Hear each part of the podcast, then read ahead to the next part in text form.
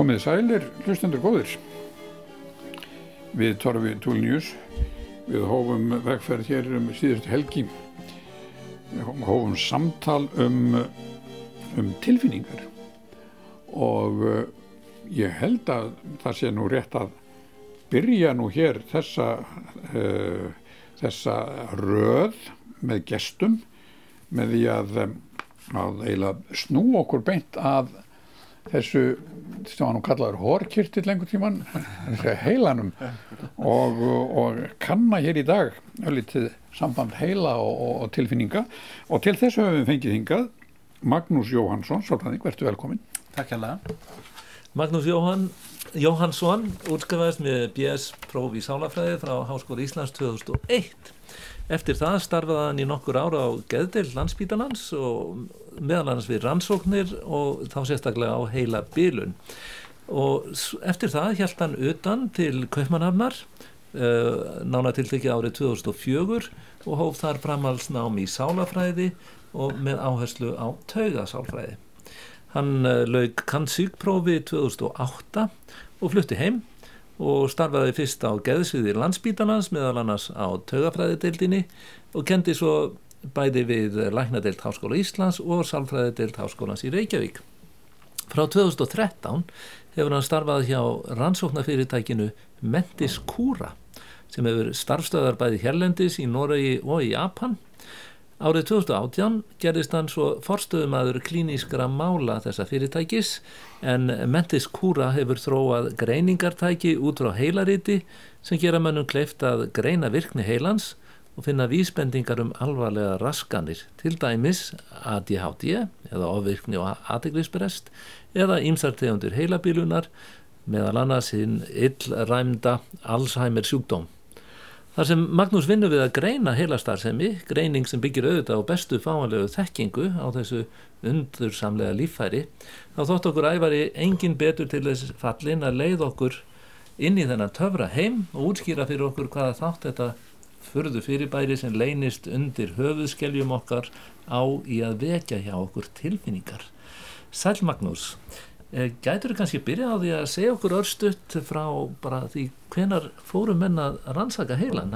Menn alltaf, heldur menn lengst af að þetta væri horkirtill eins og ævar held eða er þetta hafa menn uh, svona þetta vit, hvað, já, hvað, hvað er langt síðan að menn fóru að vita eitthvað að ráði um þetta fyrirbæri? Sko, ég vil nú bara byrja að þakka kærlega fyrir að ykkur kærlega fyrir að bjóða mér hinga, það er ekki á hverjum degi sem að fara að taka samtalum hérna, tilfinningar og heilan þannig að það er mjög ánægilegt en hérna varðandi sögu heilarhansókna þá í rauninni er hægt að rekja svona fyrstu heimildir allt til bara faróana í Egiptalandi það er að segja þegar þeir voru undirbúnir fyrir ferðina löngu mm. og hérna svo kallið lík smurning fór fram að þá hérna voru hinn mikilvægu lífæri tekinn og sett í þar til gerða krukkur og settar í, í hérna grafina með þeim. Og þetta var talið nöðsulegt í, í framhalslífinu uh mhm. -huh. en hvað var þar heilana þá var hérna rauninni bara notaðu krókur og þetta rifið út og hendi ruslið. Þannig að þetta eru svona fyrstu íspytingar um það hvað menn hérna staðsettu sko hérna hugsun og tilfinningar og greint Það er sem sagt ekki í heilanum. Ekki í heilanum á þessum Nei. tíma, þeir trúðu náttúrulega bara að þetta væri frekar í hjartanum. Já og hérna, en svo náttúrulega er alveg heimildi fyrir því líka sagt, að eh, á þessum tíma stuttu setna í stríðum þá náttúrulega fengum menn höfuðhögg. Ja. og það eru heimildi fyrir því að þar voru menn að, að skoða þetta og þau voru sagt, að skoða þessi enginni sem þessir áverkar voru að valda. Og til að mynda töluður um að, að menn geti ekki talað. Og þeir töluðu líku um eitthvað sem verðist vera mjög líkt því sem er gerist þegar menn fá flóaköst sem er náttúrulega eitthvað sem gerist yfirleitt þú farið mjög alveg heilaverka mm -hmm. Þannig að þetta eru svona fyrstu heimildunar en hérna það er svo kannski fórt grikkirnir næst sem að hérna fóru og auðvitað velta fyrir sér hérna sálinni og heilanum og hugsun. Þeir voru ólíkir Egiptunum að því leiti að þeir náttúrulega hérna trúðu á að það eitt ekki að hérna eiga neitt við ríkamann þegar fólk dó. Þannig að þeir beitt frekar þessari svona raukhyggju en þeir gerur svo samt frekar ljóst eða frekar snemma ljóst að öll okkar skínfæri þeir náttúrulega tengjast heilanum að því leitinu til að þetta er allt mjög nálagt heilanum. Þannig að til að mynda Hippokrates afsækið, hann var svona einn af þeim fyrstur sem fór að tengja sagt, eh, greind, hugsalega greind okkar og, og, og, og tengja hana við heila en, en svo voru aðrir eins og Hippokrates, hann náttúrulega hérna, svo sem hafði ekki alveg jafnsterkar skoðanir á þessu, ekki, ekki sömu skoðanir, hann vildi nú meina að þetta væri allt í hjartanu en að, að Aristoteles Ar, Aristoteles fyrir ekki Aristoteles og hérna hann vildi meina að þetta væri nú allt í, í hjartanu Aha. en að heilin væri mikilvægur og þar væri mikið af blóði og það sem í rauninni aðskildi okkur þá kannski frá dýrónum væri það að, að, hérna, þetta blóð allt saman gæti kælt niður þessar svona hérna, heitu tilfinningar okkar og þar leðandi hugsuðu og rög, rög samari hátt en dýrin Þannig að þetta, og svo náttúrulega koma niðaldinnar, þá er nú kannski ekki mikið að gerast í Evrópu á þessum Nei. tíma, hvað var það þessar rannsóknir, en þá var það, hérna, eru heimildir fyrir því að til dæmis bara í hérna, Íran og Persju Já. og þar voru þeir mjög framalega hvað þetta var þar, þeir voru semst að skoða hérna, semst að bara andlega líðan Já. og tenginga verið heilan. Og þetta gerði náttúrulega bara með skurðaðgerðum og, og með því að skoða heila orka mm. og fór að lýsa svona hlutum eins og heilabilun og ránkugmyndum og, og þess aftar mm. þannig að þarna á þessum tíma og þetta er einu svolítið grunnurinn að nútíma læknavísundum sem ásist að þarna á sínum tíma í í hérna Persju Já, í, í þessum landum sem að voru aðhylltust móamestrú og, og heldur kannski meira sambandi heldur en á miðaldum eða allan að lengst á miðaldum við svona eina fornu arfleif Gríkja og Rómverja og held áfram að þróa hana og, og þess aftar Nákvæmlega, algjörlega. Og hérna þannig að þetta, það var mjög áhugavert í rauninni og hérna og, en svo náttúrulega gerist það þegar hérna í endurreysninni þá fara menn aftur að, að velta þessum hlutum meira fyrir sér. Mm. og það er náttúrulega eins og þú nefndir í, í, í fyrsta þættinum uh, Descartes Já. sem að hérna fór að velta þessu fyrir sér. Og það er kannski svona fyrsta svona lýsingin á svona lífæðlislega fræðilegum þáttum í, í heilanum. Já. hann var um þetta pæli þessu eins og þú nefndir heilanum og, og sálinni og, og hvernig þetta allt tengdist. En hérna var hann ekki búin að finna eitthvað stað í heilanum þar sem hann held að sálinn ætti heima? Jú, hann sem sagt, hann, hann sem sagt vildi meina að þetta væri heila köngullin svo kallagi sem að tengdi þetta tvent þannig að, að sálinn væri náttúrulega bara andlugt fyrir bæri Já. en að svo var það svo kallar dýra andar í líkamannum sem að hérna stjórnuðu líkamannum og öðru þannig að og heilatingullin var þarna einhver tengi stöð en, en, átti, en átti náttúrulega samt sem áður í talsum örlegum með að, að hvernig tengjur eitthvað sem er andlegt og eitthvað sem er líkamlegt Já. og hérna þannig að, að, að en svo í framhalduna þessu náttúrulega þá gerist það náttúrulega bara á svona 19. öld og, og setna að menn fara að velta þessu meira fyrir sér og þá er þetta helst bara svona rannsóknir þar sem að þú veist náttúrulega þetta helst alltaf í hendurinu við bara tæknithróun menn höfðu engar margar aðferði til að skoða heilan. Einmitt. þannig að þeir hérna, þetta var mikið svona bara með því að fylgjast með aðtugun og hins vegar þegar að fólk fekk heilaverka mm. og eitt kannski svona frægasta dæmið um það er mitt þegar hérna Penelope Gates heitir hann. Þetta er svona, er að þetta var hérna játbröta starfsmæður sem fekk tein í rauninni, hann var að þjappa dínamíti og voru að leggja játbyrðateina og hann var að þjappa dínamíti nýri jörðina svo sprakk Þetta á 19. öld eða? Já, þetta er á 19. öld sko og þá springur sagt, dínamíti og teitnin skýst sagt, upp í gegnum auðaðanum og, og tekur stóran hlut á framhelanum Já.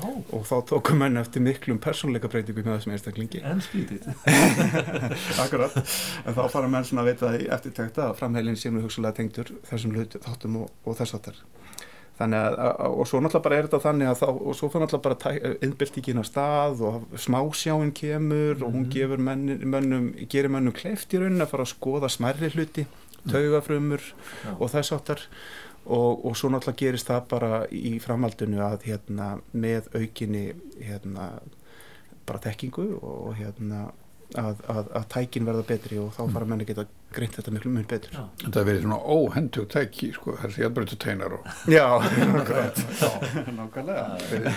En, en, eh, en er ekki sko mikið af því sem að gerist hérna í heilanum okkur er, er svona rafmagn er ekki, er þetta ekki rafbóð sem eru að fara á milli fruma og þess aftar, þannig að það er þurft að náttúrulega hvenar er það sem að menn átta sig á því að, að það, það er ramagn á ferðinni þarna og, það sé hugsanlega hægt að mæla það. Já, það er akkurat, jú, jú, þetta er alveg horrið þetta er hérna það sem að þegar taugafrumur hafa hérna samskipti á taugamótum þá er Já. þetta mjög lágar rafspennur sem fara á millirunni og hérna og þetta er rauninni bara gerist eh, eins og ég sagði, menn fóru mikið að, að rannsaka hérna dýr líka, þannig að það gerist þetta, þú getur ekki framkvæmt svona opnar aðgerður á fólki. Það er málsið samkvæmt þannig að þeir fara að hérna, rannsaka hérna, froska og annað eh, Pavlov fyrir að rannsaka hérna, hunda og, og Já. þess áttar og þá fara menn að átta sig á því að með því að erta ákveðin svæði að þá hérna fenguðu viðbrað sem þið gáttu mælt. Þá til dæmis með heilarita eða öðru, annari tækni. Og þá gerðu menn sér ljóst að þetta er sagt, rafspennur sem er, hérna, eiga sér stað. Og þannig að núna fer maður í eitthvað svona heila skann til dæmis? Já, og þá ef maður er að gera eitthvað ákveðna hluti þá lýsast upp ákveðni hlutir heilans já, og svo er maður að gera eitthvað annað þá lýsast upp aðri hlutar heilans akkurat Já. það er rauninni kannski svona þessi bylting sem verður á hérna 20. öldinni það Mhm. er að segja að, að þessar, hérna, þessi tækni kemur fram Mm. að menn fara að geta hérna gefið fólki ákveðin spórefni mm. þá sprautaru eða bara sprautar fólk með ákveðinu spórefni sem tengist ákveðnum tegundum taugafruma og þess Mhm. áttar í ákveðnum heila stöðum Mhm. og svo þegar þú tekur þessar myndir með svona þessum jáhenda skönnum og öðru Mhm. að þá lýsast þessi svæði upp Mhm. þannig að þú byður einhvern um að horfa á eitthvað áreiti og, og tekur á sama tíma eh, hérna, mynda á honum þá getur þú Mhm. séð hvar sjónstöðuna til dæmis eru staðsettar Mhm. þannig að þetta gerist náttúrulega alltaf bara meira og meira tækjum verða betri og svo verður líka bara náttúrulega bara framþróun í, í hérna í, í tölvu, bara í útreikningum. Já, menn fara að þróa tölvur sem geta hérna unnið með mikið og stórt samt gagna. Já, þannig að það er leðandi verður þekkingin alltaf meiri. Já. Þetta er, hérna, þetta er mitt svo stort og mikið og margt sem þarf að halda utanum. Já, og uh, til að skilja þetta fyrirbæri sem Mm. að heilin er og það er ekki rétt hjá mér að það hefur verið sagt að þetta sé flóknasta fyrirbæri alheimsins sem þekkt sé allavega enn sem komið er jú, Heilinn. jú ég, það er hérna mannsheilin, já, ég held að sé nú algjörlega óhætt að segja það Já. og hérna og það hefur oft hérna verið ákveðnar svona, hvað maður að segja mýtur um að við þekkjum aðeins 10% heilans og allt Mhm. þetta og og, notum ekki nema alveg lítið brot af því sem við gætum akkurat, akkurat. Og hérna, en það sem er náttúrulega komið í ljósi mitt á svona undirfærtinu 10 árum er og, og, og kannski svona, má segja 90% af þessari þekkingu sem er til staðar í dag hefur átt sér stað kannski á síðustu 20 árum. Það Þetta er hérna- svona, við erum bara við erum á þetta, cutting edge, við erum þannig alveg á nýfsækinni núna Já. í því að að, að fleita fram þekkingu á því hvernig heilin starfar Já, algjörlega og það sem hefur breyst bara í tögvísundum er það að menn alltaf voru alltaf að hérna að reyna að finna ákveðin svæði. Hvar eru málstöðarnar hvar eru hérna reyfistöðarnar og þess áttar og þetta er ger sálinn, saði þetta hvar er sálinn nákvæmlega? Og það er nú ennþá mjög stór spurning en hérna en já, en svo náttúrulega hefur það gerst bara að menn er núna farnar að geta að kortla þetta mun betur. Og, og hérna og það náttúrulega er það sem að skýrir þessa miklu hérna, þekkingu sem áttir stöðundafæri þannig að þetta er samspil annars vegar betri greiningar aðferða Já. Og svo líka af því að þetta er svo flókið fyrirbæri þá þarf svona einhverja ofur tölfur til að í raun og veru að reikna út allt það sem er að gera Nákvæmlega, Já. það er hérna akkurat málið. Þannig að, að nú eru menn farnir að geta búið til þú veist alls konar mótel af hugsanlegum tauganetum og Já. menn eru farnir að þekkja líka mjög betur þessi tauga bóðefnakerfi sem er í heilanum. Mm og þetta er náttúrulega undirstaða í rauninni alls. Þú Mhm. hefur mismunandi taugabóðefna kerfi sem tengjast ákveðnum þáttum Aha. og til að mynda með það sem kallast kólvirkakerfið sem tengist okkar minni Mhm. og í rauninni gera okkur kleift og, og svona undirbýr heilan til að vinna úr áreitum Já. svo ertu með hérna til dæmis dopamínkerfi líka sem tengist eh, og nú er adrenalíska kerfið og þetta er allt tengt ADHD til dæmis Já, það. þannig að hérna að öll þessi þekking hún er gríðaleg og hérna og, og eins og þú segir með, með hérna bættri aðferðarfræði þá er þetta að skoða þetta og, og, og kynast þessi betur Áður við að því hvað heilin gerir og, og, og einmitt meðal annars hvernig hann býr til tilfinningar okkar eða og eh, hérna þá kannski ef ekki að fara bara í gegnum úr hverju er heilin settur saman og kannski byrjum á, það er ekki gerðið greinamunur á tvennskona frumum, taugafrumum og svo kallum glíalfrumum. Jú, hvað, hvað, eh, getur þú byrjað á því að segja okkur frá öllum þessum skriljón, miljón frumum sem eru í heilanum á okkur? Já, ég held að kannski við höfum ekki alveg nægilegan tími í það, það er örglega taka lengur en, en, en þessi þáttu býður upp á. Já, en svona bara kannski til að byrja með þá náttúrulega er það bara þannig að þú, veist, að, að þú hefur það sem er kallað hérna, grátt efni í heilanum sem eru þá taugabólirnir sjálfur og svo með Já. hvíta efni sem eru þá þessi símar, þessi taugaendar sem að fara út um allan heilan og tengja taugafrumur saman Já.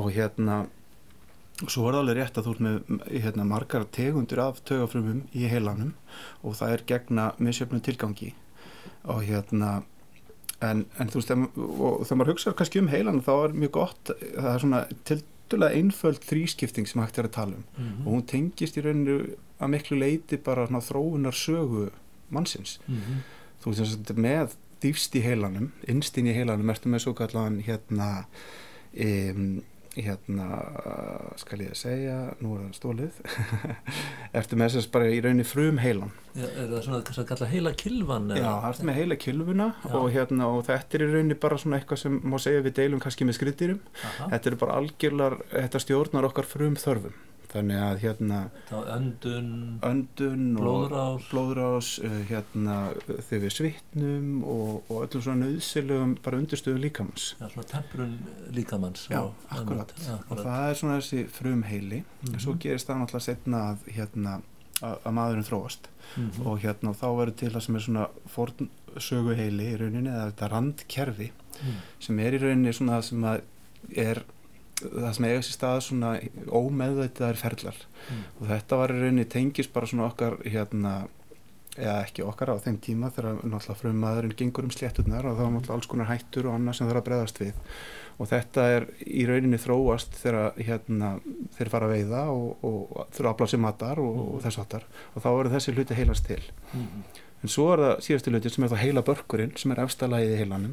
Og það kemur þá mun setna Það er þetta krumpaða fyrirbæri alltaf þetta fyrirbæri sem að- nákvæmlega. Akkurat, það er, er efstu hluti heilans og það er í rauninni það sem einkennir kannski mannin frá öðrum allan dýrum er að hérna hann er starri og, og hérna gera okkur kleift þessa abstrakt hugsun og, og þess áttar þannig að þetta er þessi þrýr svona, eh, þessi þr- þrískiptings heilans sem Já. er hérna greiðlega mikilvæg Þannig að það er ekkert hægt að ímynda sér að maður getur ekki verið til án heilans það er að segja. Það er bara frum, bara hjartslátturinn og svo framvegis eh, já, það, eh, þessi er öllu saman stýrt af heilanum. Þessu er öllu saman stýrta heilan þannig að við þegar við hugsaum um að við séum kannski heilalaus þegar við sitjum fyrir frá sjónvarpið þá er það bara alls ekki rétt. Það er margt í gangi. Með þess að þau við sofum líka. Já. það þarf að halda hjartan og öllu gangandi. Akkurat. Þannig að heilin gegnir þessum frumþætti en, en, hann, en í sambandi við svona bara kannski það sem við tengjum frekar við heila starfseminna, að segja okkar andlega líf eða vitsmunarlíf eða þess já, Hvað er það sem heilin gerir? Hann, hann heldur hann okkur vakandi, hann hjálpar okkur að sofa, hann hjálpar okkur að skinja, hann... Uh, hvernig fyrir hann að þessu öllu saman?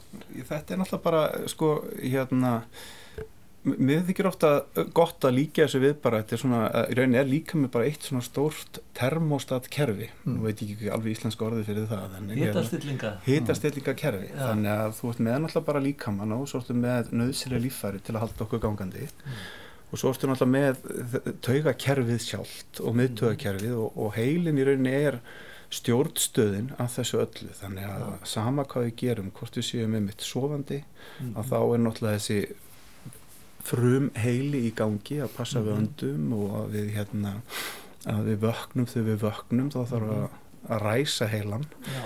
og hérna og, og hérna það getur ekki mjög illa og tekið langa tíma sérstaklega hjá úlingum, Jón Úlinga sjálfur það er alveg með ólíkindum Og er einhverja skýringar á því? Já, já, það eru skýringar ég meina þú veist, þetta er náttúrulega úlingstímin er tími það sem er rosalega umbreytingar í líkamannum hormonakerfið er á fullu Aha. og hérna það er rosalega vöxtur Já. fólk er að vaksa, vöður er að stækka og allt þetta Mér er sagt að heilin sé ennþá að þroskast svona til 24-5 ára aldurs, er það ekki? Jú, það er alveg rétt, Já. hann er að því og Ok. hérna en svo náttúrulega heldur hann alltaf áfram að mynda nýja líka hérna nýjar hérna ný, ný í uh, taugatengsl Já. þannig að hann er svona hérna mjög aðlögunar hefni heilans er ótrúleg. En sko þegar þú talar um þetta svona þá fer ekki hjá því sérstaklega að tala um svona stýringar. Já, þá fannst ekki hjá því að maður fara að hugsa býtu er ekki hægt að búa þetta til, er ekki hægt að smíða heila og, Já. eins og menn nú svo sem löngum velt fyrir sér. Jú.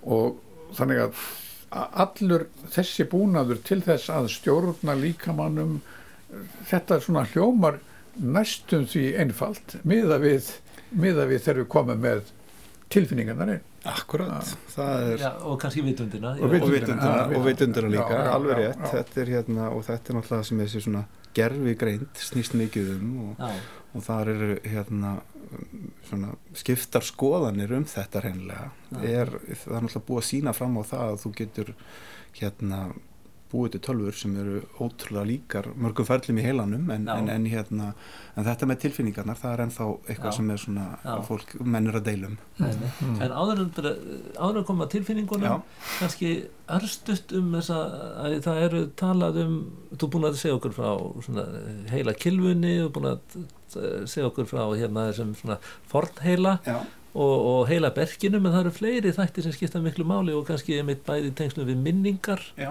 af því að það er eitt af því sem að við getum gert. Akkurat. Kannski líka vitundinu það að vita að við erum til. Akkurat, og svo kannski þriðalagi tilfinningar. Hvað, hvaða hlutir eru þetta sem koma þann inn í sem eru inn í heilanum? Algjörlega. Og, hérna, og sérstaklega umræðefni eru tilfinningar og, Já.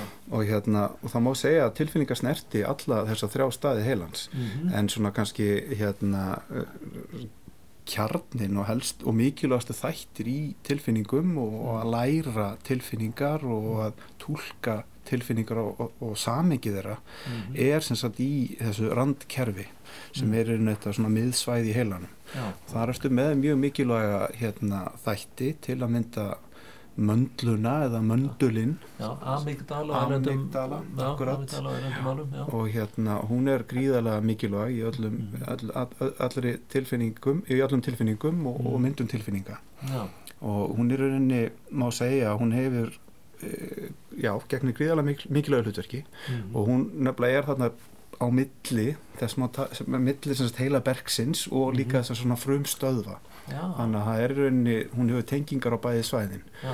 þannig að, að til að frumlífið svona kvatirnar kannski það, veist, það að flýja af hólum eða maður er hrættur eða eitthvað og svo við þetta, þess að getu til að hugsa og hugleiða og, og setja hluti í sammengi og, Akkurat. og já. þannig að hérna, hún er gríðarlega mikilvæg og hún hefur svona það eru tvær tengingar hjá henni í rauninni og, og gott dæmi kannski að þú ert, hérna, ert að hlaupa í, í garði og, hérna, og hleypur eftir stíg Mm. svo sérðu eitthvað á stígnum sem líkist snák að það ósjálfrátt stekkur frá Mhm. og þá er þessi svona hérna, frum hérna, frum kerfi heilans í gangi þú Já. ert ekki, hugsa það ekki, þetta gerist Nei. óhjákvæmilega bara ómeðvitað Aha. Og þá ertu með hérna þessar frumstöðar en svo hérna kannski setna þú st- stekkur frá slítur á þetta aftur og skoðar þetta eins betur og sér að þetta er spýta. Já. og þá ertu að taka inn allt saman sem tengist því sem er líka bara reynsla og hérna, sjónstöðar og annað. Já, þannig að mandlan er gríðarlega mikilvæg í þessu sambandi. Já, svo er náttúrulega líka hérna drekin já, hippocampus er svona við kallaðar hann er í mestu tengdur minningum okkar já, auðvitað öðru en, en hérna það er það sem að gera okkur kleift að setja tilfinningar inn í samhengi. Mm. það er að segja hérna við hérna lærum náttúrulega alltaf á reynslunni og þú lendir í einhverjum atbörði sem að hérna hefur hérna tilfinningar áhrif á þig að þá tengir þú það náttúrulega við þann atbörð Mm. og, og það geymist á í, í, hérna í dregan þe- þessir þættir spila allir saman. Já, þannig að hérna og, og gera okkur kleift að, að, að að upplifa tilfinningar já, og líka að að setja þær í samingi og byggja á reynslu líka. Já, þetta er eitt af eh, svona, því sem er svo áhugavert einmitt fyrir hugvísindamann eins og mig sem hefur samt áhuga á, á, á raunvísindum og sálafræðingar, tögusálfræðingar eru akkurat á þarna einhverju snertifleti. Eh, það, það er að þetta heilastarfseminn er líka samspil annars vegar þess sem gerist í raunheiminum eða efnisheiminum já, og hins vegar það er að segja að við þurfum það er ekki nóg að upplifa eitthvað eða fá einhver taugabóð eða einhver skriljón taugabóð síðan að, að, að gerast í, í kollinum á manni. Er maður eða hluti af þessum taugabóðum fer í að setja þetta í samengi við einhverja minningu Já. og Þeir, hvað er ég að finna fyrir? Akkurat. Já, algjörlega og, Já. ég meina hver er mín reynsla? Hef ég nei. þetta áður? Og ég meina er það jákvæð reynsla er það neikvæð Aha. reynsla? Og þá stjórnar lí- því líka hvernig við bregðumst við. Ef það er Já. jákvæð reynsla þá gengur að aðstæðanum eða kannski eitthvað neikvæð þá kannski reynir að koma þér í burtu frekar. En, en, en kom núna nú erum við komin að tilfinningunum sjálfum. Og uh, hvað gerist eiginlega þegar að, að segjum bara, ég veit ekki, ég verð gladur þú verður glaðið já, hvað, hvað er að gerast þannig undir, í kollinum á mér þegar ég verð gladur það er hérna, það er náttúrulega mjög margt sem gerist en Já. hérna, ég meina þú getur verið glaður á mörgum ástæðum Já. og segjum að þú ég hérna skoður að þryggjast eða körfu til Þú, þú dæmis skor á þryggjast körfu í, í hérna körfubolta Já. þá náttúrulega gerist það að hérna, það farast, það bara myndast ákveði líkamlegt ástand Já. sem tengist taugakerfinu já, og, og, hérna, og það svo tengist líka svona tauga lífeðlislegum þáttum sem fara að stað. Aha, þegar maður líður vel þá veist getur maður aðeins hjartað Já. fyrir að slá aðeins hraðar og, og líkanlega þættir sem að hérna fara að stað. Já, og þú náttúrulega tengir þetta líka þínum bara, þinni reynslu og hérna og þinni svona sjálfsmynd. Nákvæmlega. Þetta já. og það að ég sé að skora þryggjastæðu korfi hérna, ég meina það er rosalegt. Kannski Já. ekki gert það oft áður en ég meina er en hérna en, en, en svo, veist, þetta, þetta er málið það farast það svona lífræðilega ferðlar sem mynda svona líkanlega áhrif sem þú tengir svo bæði við hugsun og þína reyn, fyrir reynslu og Aha. Og, og, og fleira. Já. og, og það er náttúrulega líka, veist, þetta er náttúrulega þessir, þessir frumþættir en þú líka með sko líkilatri kannski í tilvíkum er framheilin líka. Aha, það því að framheilin við erum ekki búin að tala um fram Nei, framhælinn er náttúrulega gríðarlega mikilvæg líka og ég glemti nú að minnast á það á hvað það heitir hann, kallar ennisblað Já, ennisblað, Já, ennisblað. einmitt, og hérna, og hann er frontal cortex á Já. en, en, ensku, Já, ensku, akkúrat. já, já, og hérna, það er í rauninni hann sem er svona uh, hálger stjórnstöð heilans aha, þannig að þú ert með hérna, þú ert með sko hérna mismunandi staði í heilanum og það eru uh, hérna til dæmis sjónstöðarnar þú ert með Mm. reyfistöðarnar, þú ert með málstöðarnar og þetta allt saman Mm. og það þarf einhvern veginn að, að stýra þessu öllu saman til að Mm. gera okkur kleift að mynda minningar og, og reynslu og þar gegnir framheilin gríðarlega miklu hérna hlutverki Já. og eins líka í tilfinningum því að það hefur sínt sagt að, að þú ert með framheila skada já, að þá hefur það gríðarlega áhrif á til dæmis þína framkomu og hvernig Já. þú túlkar hluti. Og þú getur annarkort orðið rosalega passífur þannig að þú bara raunni hérna limpast allur niður og róast og sýnir nána stunglindis enginni og hérna en annars svo getur líka orðið rosalega virkur já. of virkur kannski. Einmitt, einmitt. og hérna og til að mynda í hérna bara heilabilun og sjúkdómum svona Já. fram heilabilun að þá er eitt af einkennunum þar eru rosalega miklar persónleika breytingar. Já, og þetta getur verið að fólk fari að haga sér á hátt sem er kannski ekki í samræmi við þeirra stöðu eða, eða okkar svona gildi í samfélaginu. Einmitt, og það er náttúrulega bara út af því að þá er komin að stað ákveðin rýrnun Já. og þá svona losnar um þessar svona hömlur sem við höfum út af því að, Þannig að framheila skadi getur gert það að verkum að maður sé vannstiltur já, í rauninni, það mætti segja það. Eins og uh, ég nú fæ- fæ- fæst mikið við fortsöðunar og, og uh, er held mikið upp á Grettisöðu eins og mjög margir og, og Grettir var mjög vannstiltur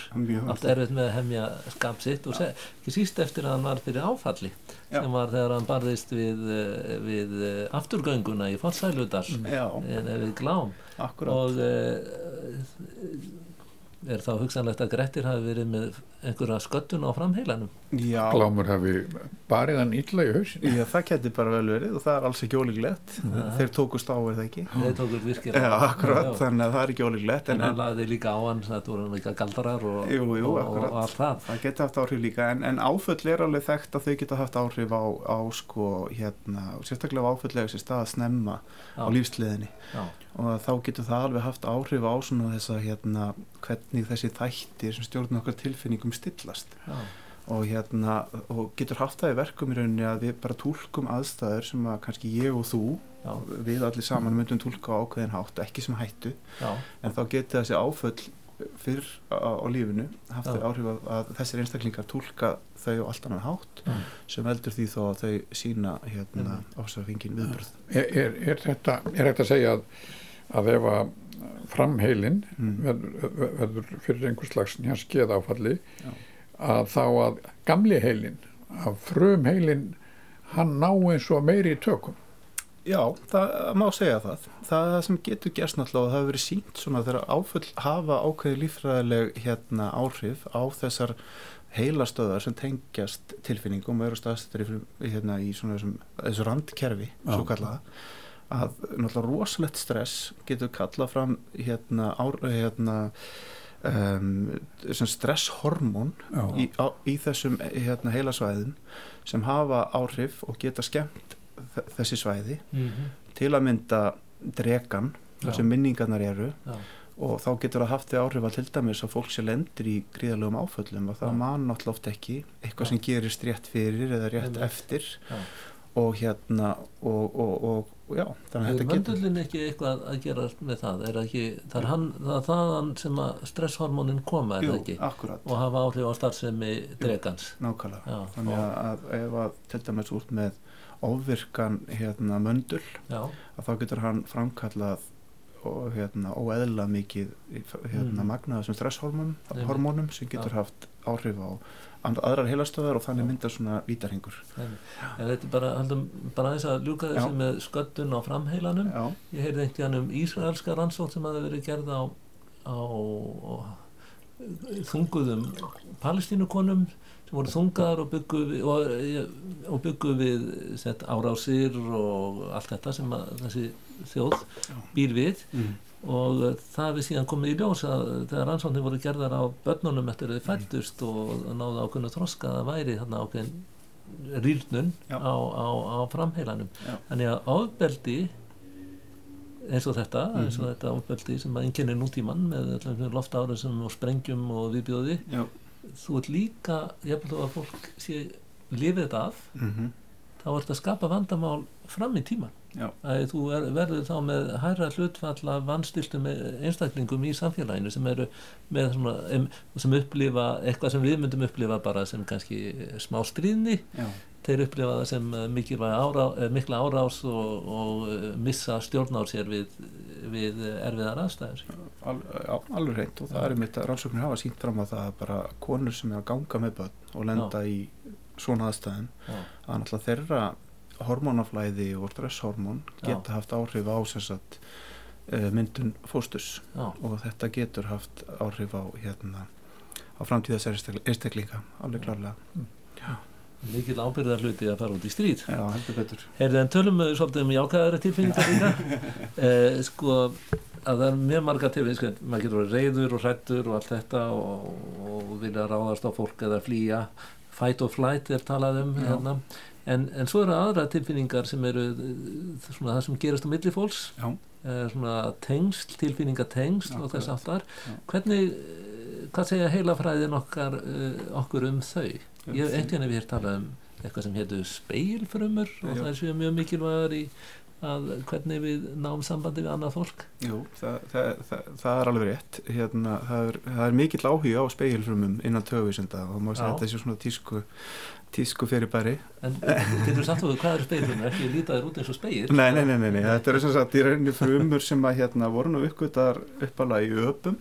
Aha, og þetta er í rauninni sko því að vennilega eru taugafrumur þannig að annarkvort sko bregðast þær þannig við að, að, að þær virkjast þegar þú ert að fara að framkvæma eitthvað aha, eða þú ert að skinni eitthvað.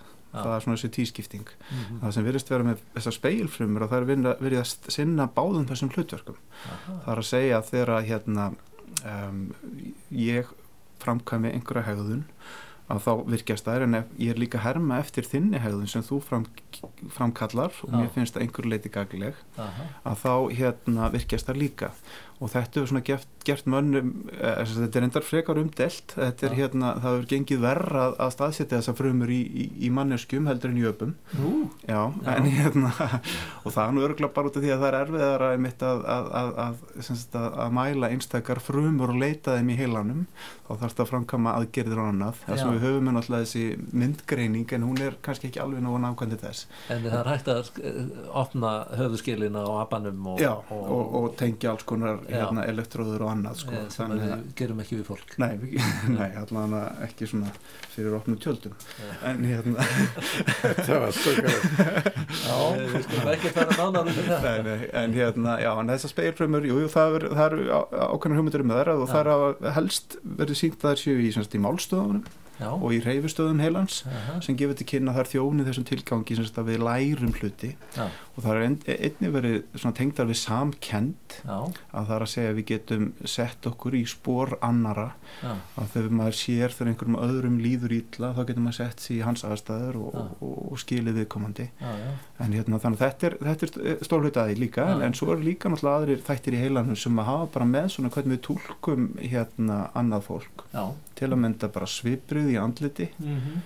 það hefur verið tengt svona hægra heila kvellinu en svo er líka annað eins og hljómfall í rött Já. og hérna allt þetta og þetta alltaf er eitthvað sem við lærum alltaf bara í gegnum lífið og, og gerir okkur kleift að, að hérna skinja og, og skilja aðra mannskir um, Hvernig skinnjum við einmitt tilfinningar annara? Ég, það er frækt dæmi úr kvikmyndafræðum Já.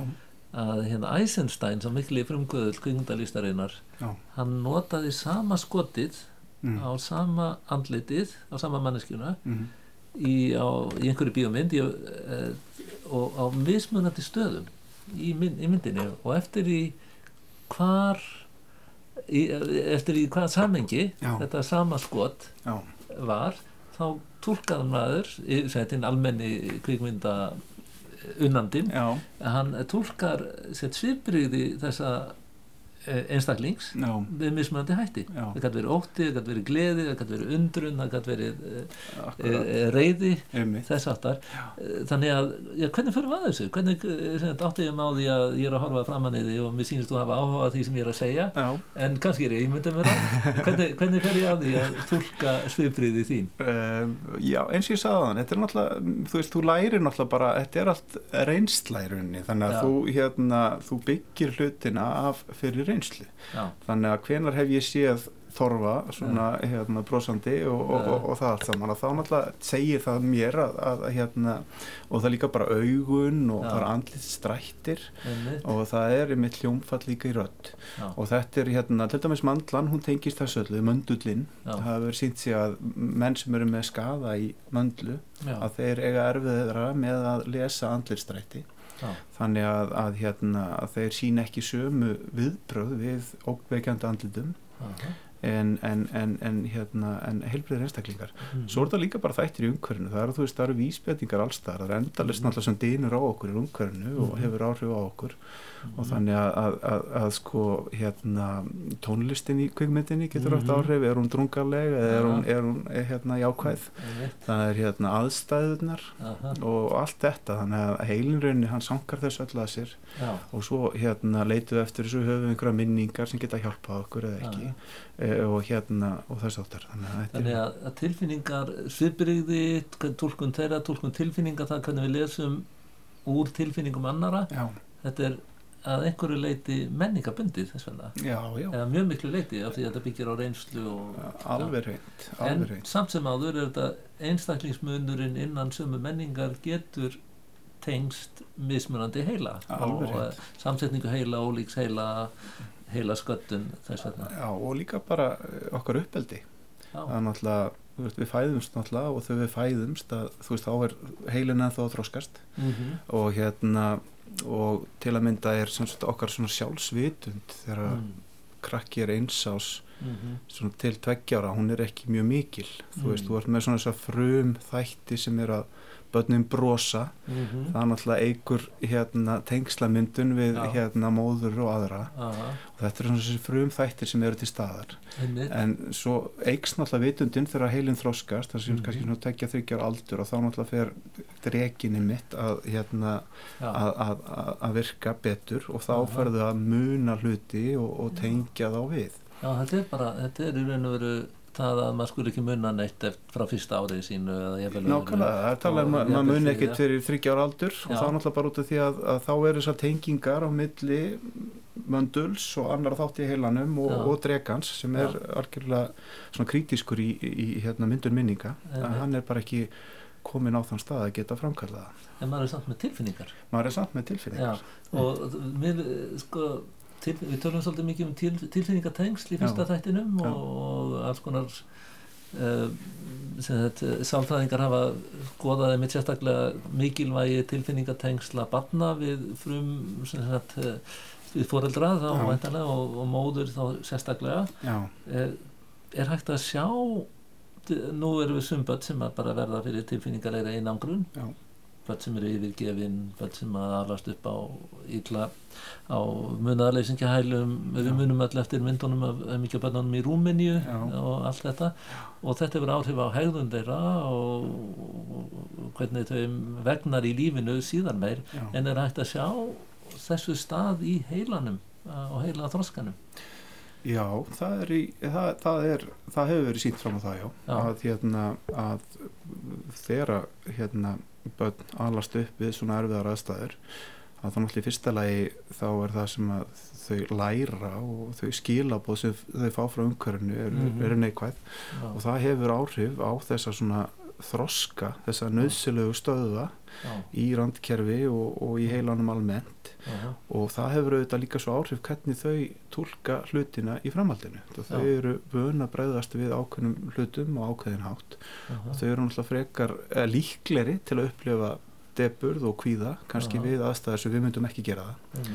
Og hérna, en, en, en það er ekki þar að segja aðlöfuna heil, heil, eh, hérna, hæfni heilans er ótrúleg Já. þannig að þótt að þessi hlutir kannski hérna sagt eh, ákveðast ákveðin hátt í, í, í, í æsku að þá náttúrulega er það líka þannig að, að fólk náttúrulega bara með aðstóð Já. eða bara lífsreynslu getur Einmitt. breytt þessum tengingum já, þannig að, að þetta er ekki eitthvað sem er kannski algjörlega hérna eh, fastmótað já, þetta er ekki endilega varanlegu skadi það, eða það er hægt að koma til já, já, það er hægt að það er hægt, bæta úr þessu síðan það er hægt að hafa áhrif á það, Já. alveg klálega Einmitt. og hérna þannig að, að hérna, og það er náttúrulega það sem að þessar marga þessum sálfræða aðferðum hérna, hérna gang út á Já, Já. já, já.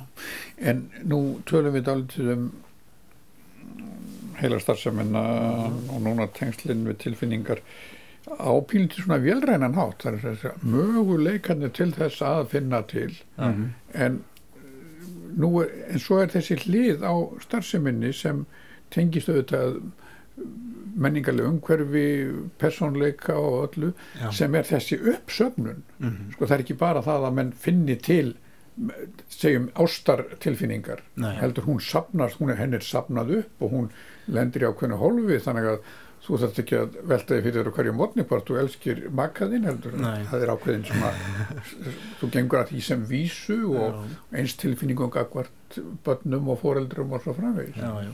þannig að þetta er gríðalegt þetta er mjög tengt allt svo geimslu möguleikan já, já, það tengist geimslu möguleikunum alveg hreint og hérna hann verðist vera óendanlegur. Já, en, en hérna, já, og svo tengist þetta líka náttúrulega bara okkar lífi og, og, og hvað við lesum og, og hvað við, hvernig tónlistu hlustum á og, hérna, og þetta náttúrulega bara mótar okkur í gegnum lífið og, og hérna enginnir bara okkar persónuleika í rauninni. En nú, uh, svona, nú svona að bráðum að halla undir lokja okkur en um langar svolítið að koma aftur að því sem við nefndum í upphafi sem er það sem þú starfar við. Já. það er að segja rannsóknir á heilanum og þá sérstaklega með tilliti þess hvernig hægt er að greina mismunandi heilaraskanir ADHD annars vegar, uh, mismunandi tegundir heila bílunar hins vegar. Hvað sko hvað áhrif hafa þessar raskanir á tilfinningarnar? Eru þetta ákveðna tilfinningaraskanir sem að fylgja til dæmis ADHD Mm. Já, það er hérna náttúrulega það sem hefur verið kannski svona sínt fram á með ADHD er að, að hérna að um, sagt, þroski í raunni framheilans er öðruvísi ekkit óeðlilegur, maður nú ekki segja það þetta, eru framheila Já, eh, allan að, fyrirbæri. já, með Já. ADHD tengist að Já. hérna, stöðum í framheilanum sem Já. þroskast á annan hátt og hérna en, en, en, en kannski hjá þeim sem er ekki með já, og hérna og, og þar að leiðandi hefur það áhrif á einstaklingin það er náttúrulega þessi klassísku einkenni sem verður að vera kvatvís og ör og þetta allt saman þú kannski staldar ekki eins lengi við og hugsaður þig Já. um og þetta getur bæði haft kosta og galla Já. taka það fram brestur, þannig að Já. þú getur ekki stað verið jafn lengi innbeittur að gera eitthvað og Akkurat. þú ytri áreiti trublaði frekar. Nákvæmlega, Já. við þar aðstöðu sem við erum vöni í samfélagin í dag. En það er mjög mikilvægt að leggja áherslu á því að ADHD er náttúrulega líka bara mörguleiti ákvæmt, myndi ég segja að já. hérna í réttum aðstæðum og, og þess aftar Það sem leiðir manna samfélagi ne, Já, ég meina, hugsanlega. Og líka bara ef að þessir einstaklingar fara að velja sér þá braut sem að þeir hérna, geta nýtt þetta. Þetta er líka alveg kostur mörguleiti, en allavega þetta hérna, þessir, það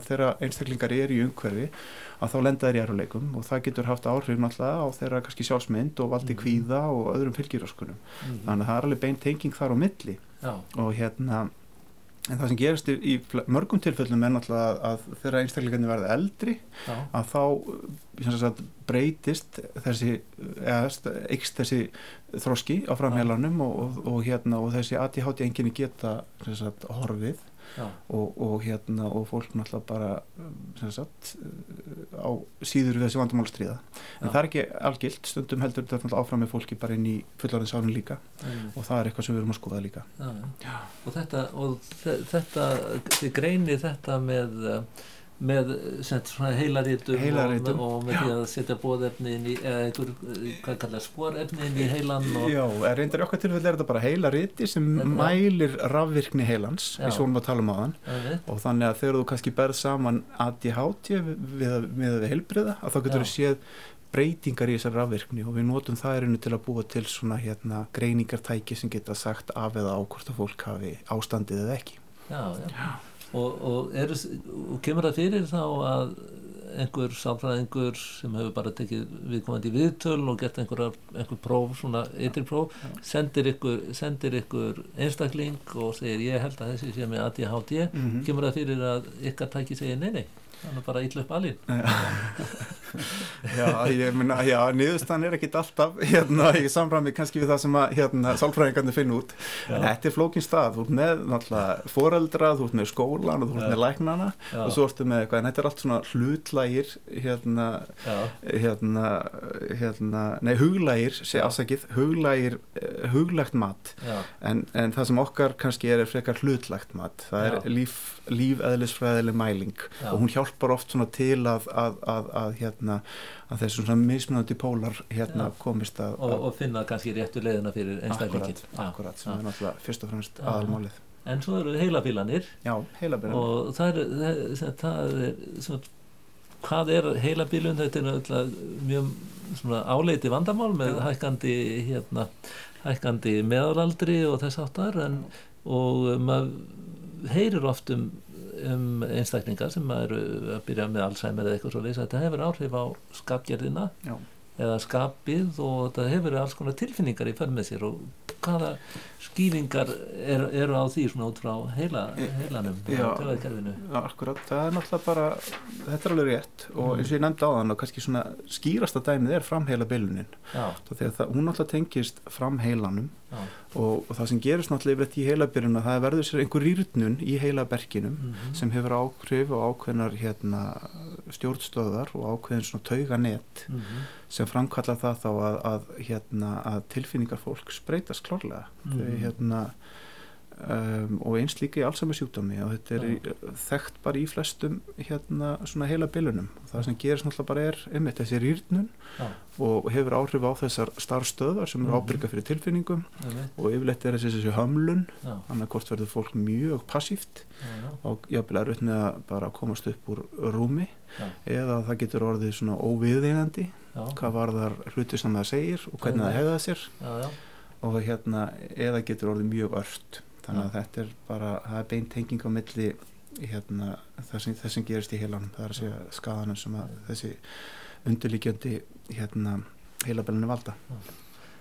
Um, Nú erum við bara örfáðan myndur eftir og ég var með eina stóra spurningu hérna í lokin og, en um, er töðasálfræðin kannski að algjörlega bylta hugmyndum okkar um manns hugan? Ef við hugsaum um já, kenninga Freud eða sálfræði 19. aldarinnar eða meir sé að atverðisfræðina sem að kemur fram um miðja eh, 20. öld Akkurat eru, eru við alveg að hverfa frá þeim hugmyndum eða nýtast þær okkur ennþá Já, ég, ég, hérna, sko, ég held að náttúrulega að tauga vísindi sem slík eru að umbylta þekkingu okkar á heilanum. Tauga sálfræðin er alltaf bara eitt hlut af því mm -hmm. og þetta er eins og með allt, það þarf alls konar sjónarhornar hlutina til að, auka þekkingu fólks á þeim. En hérna, hvað var þar, sko, eins og hérna, fyrri kenningar eins og Freud og Skinner sem er alltaf hérna, aðtvæðlisfræðingur að hérna, ég held að þetta á allt við í rauninni í dag. Já. menn bara kannski höfðu ekki einmitt aðferðirnar til að hérna, tengja þetta við lífræðilegar undirstöður Já, þannig að, að bæling og ötubusaduld og allt þetta, þetta það er kannski hægt að þýða þetta yfir á tungumál töðavísindana. Það eru margir sem hafa lagt það til að hérna ef að Freud hefði verið núna til að þá myndi sagt, þessi framþróun hjálpa honum að útskýra það betur. En að svona alveg að lokum mm. hvað með sálina? Er hún til án heilans? Ég held að þetta fer held ég eftir hvað hatt þú setur á þig sko. Hérna, en ég myndi segja nei. Sem tauga vísindamæður nei. Það er hérna þannig en, en hérna það er, ég held að, að fórsenda tilvistar og okkar vitundar er heilin. Já, þetta verður nú lokaverðin til til afgerandi. Magnús Jóhansson taugavísindamæður Taugasálfræðingur, sálfræðingur. Kvöllum við bara sálfræðingur Sálfræðingur Bestu þakki fyrir að að fræða okkur Torfa Túlnius þennan, þennan, þennan tíma hér og, og, og hlustendur líka. Takk fyrir í dag. Takk sem leiðis, takk fyrir að fá mig